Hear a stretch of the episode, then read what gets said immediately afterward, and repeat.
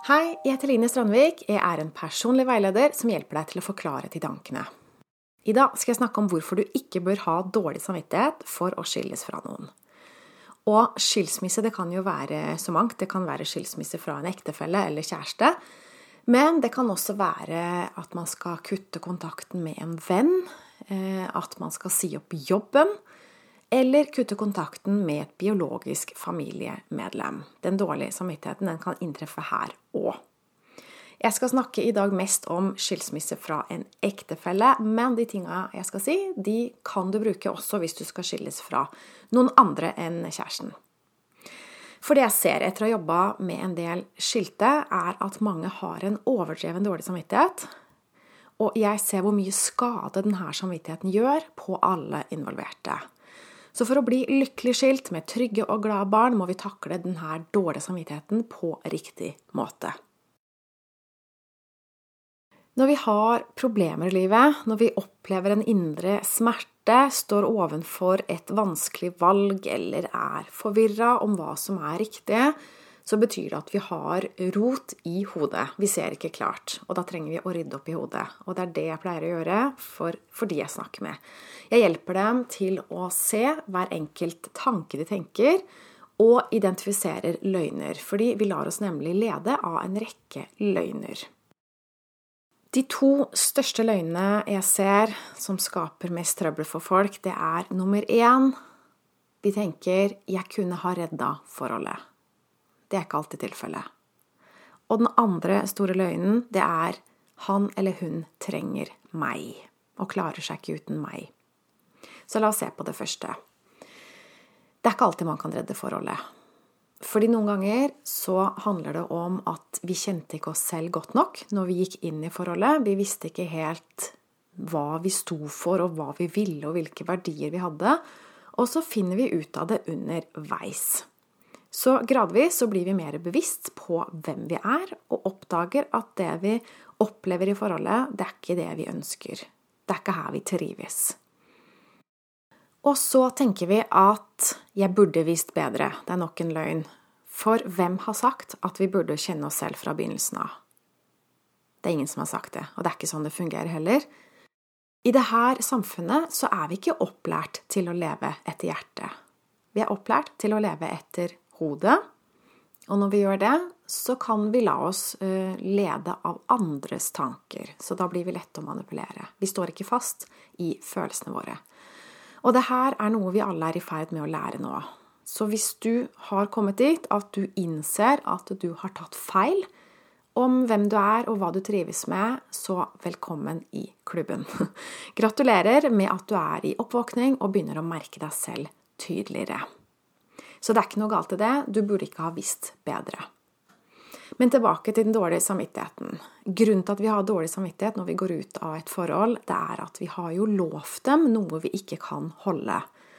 Så vi føler det at hvis jeg har sagt A, så må jeg si B.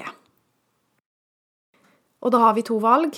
Vi kan enten fortsette å leve på en løgn, som vi har gjort hele tiden, eller så kan vi innrømme at vi tok feil. Og begge deler er smertefullt. Det vi glemmer oppi det her, det er at det er jo ikke bare vi som har levd på en løgn. Partneren vår har også levd på en løgn. Så vi har ikke lurt dem, de har like mye lurt seg selv. Eller det kan jo være du har lurt dem, det er jo noen som gjør det, som lyver med vilje, men de jeg har snakka med, har ikke gjort det. De har eh, gjort sitt beste hele veien, og så bare finner de ut etter flere år at dette ikke var riktig. Så de har ikke lurt noen med vilje. Men begge to har levd litt med skylappene på, og ikke helt vært ærlige om hva de står i. For sannheten, den er tilgjengelig. Den er tilgjengelig for alle som ønsker å se den. Men noen ganger så ønsker vi ikke helt å se sannheten, for det er for smertefullt å forholde seg til. Så hvis du har dårlig samvittighet for at du har lurt noen, så tenk på det at partneren din da har også lurt seg selv. Eller partneren din, eller hvem du har i tankene. Hvis det er et forhold som ikke um, har det rette fundamentet, og aldri har hatt det, så har begge parter levd på en løgn. Den andre store løgnen jeg hører, er at han eller hun trenger meg. Derfor er det dårlig gjort av meg å forlate vedkommende. For det første så er det ikke sant at noen er avhengig av oss. Når vi tenker sånn, så handler det egentlig om at vi opphøyer oss selv på tanken om at vi kan redde den andre, at vi er viktige i andres øyne. Det er nesten så vi spiller guden i deres liv og liker godt å ha den rollen. Så dårlig samvittighet kan også være et tegn på ego. Og det er faktisk litt nedlatende å tenke sånn om andre at jeg er mer ressurssterk enn deg, jeg klarer mer enn deg. For det er ikke sant. Vi er lagd av det samme stoffet, alle mennesker. Og hvis du fortsetter å tenke sånn, at den andre er under deg, dårligere enn deg, svakere enn deg, så holder du dem nede. Så hvis du tror du gjør noe godt ved å synes synd på andre mennesker, så er det det stikk motsatte du faktisk gjør. Da tar det lengre tid før de finner styrken i seg selv. Så det beste du kan gjøre for andre mennesker, det er å se dem som sterke, og se dem som de faktisk er. Alle mennesker har en uendelig styrke i seg, og noen ganger så må man ut i noen uvante og ubehagelige situasjoner, krisesituasjoner noen ganger også, for å finne fram til den styrken i oss selv. Så det koker egentlig ned til å forstå klart at når en person ikke er en god match for deg, så er ikke du en god match for dem heller. Så det handler om å akseptere denne sannheten. Og det vil forbli en indre kamp helt til du aksepterer sannheten. For sannheten, den er urokkelig. Den kan du ikke flytte på. Den står bom fast. Det jeg ser, er at folk skilles fysisk. De flytter fra hverandre, men de skilles ikke spirituelt. De henger fast i et dårlig mønster. De har fortsatt en relasjon til hverandre. Om ikke de ses like ofte, så har de en relasjon til hverandre. Eh, de har en, et mønster seg imellom, måten de tenker om hverandre på, som ikke er særlig konstruktivt. Så det hjelper ikke bare å flytte. Hvis man ikke kvitter seg med denne dårlige samvittigheten, så er det tre store fallgruver. For det første så er det ødeleggende for paret. Fordi da blir man hengende fast i det her dårlige mønsteret av eh, avhengighet, av plikt, av skyld, av skam, samvittighet. Alt det som ikke føles godt. Så det er skadelig for begge parter. Og det å leve på siden av seg selv sånn her, det går også utover helsa på sikt. Så det var den første. Det er ikke bra for dere, for paret.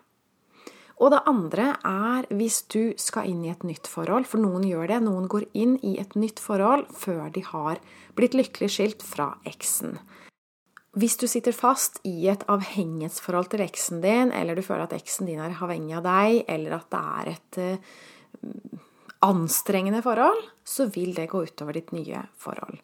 Hvis du lar deg styre av eksen din fortsatt, så er det bare et tidsspørsmål før din nye kjæreste ikke orker det lenger. Hvis ikke du er fri til å um, ta vare på det nye forholdet, så er det stor sannsynlighet for at det nye forholdet ryker. Og det er det som skjer. Mange nye forhold ryker fordi man ikke har et avklart forhold til eksen. Og det går utover deg, det går utover den nye personen, og kanskje er det barn inne i bildet også, som det også går utover.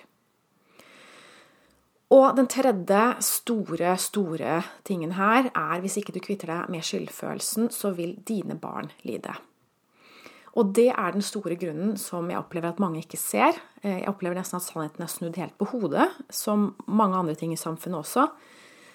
Den dårlige samvittigheten den hjelper ikke barna dine på noe som helst måte, for den gjør at du krymper deg litt.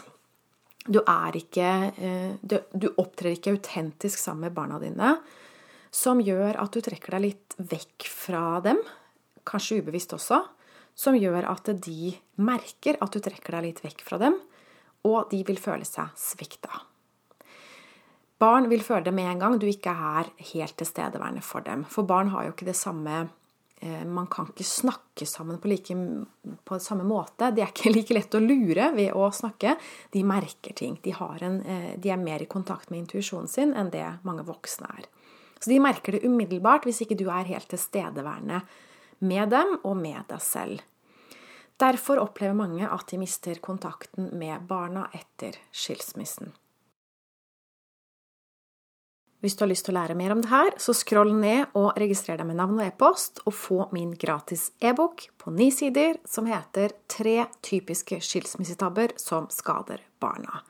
Her kan du lære hvordan du unngår dem, og eventuelt retter opp i det hvis det allerede har gått galt.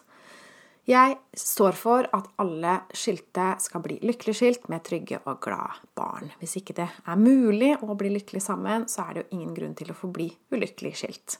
Det er alltid mulig å bli lykkelig skilt. Mitt motto er at det går aldri an å ha for høye forventninger til livet, kun for liten innsats i å skape det livet vi ønsker oss. Det var alt jeg hadde til deg i dag.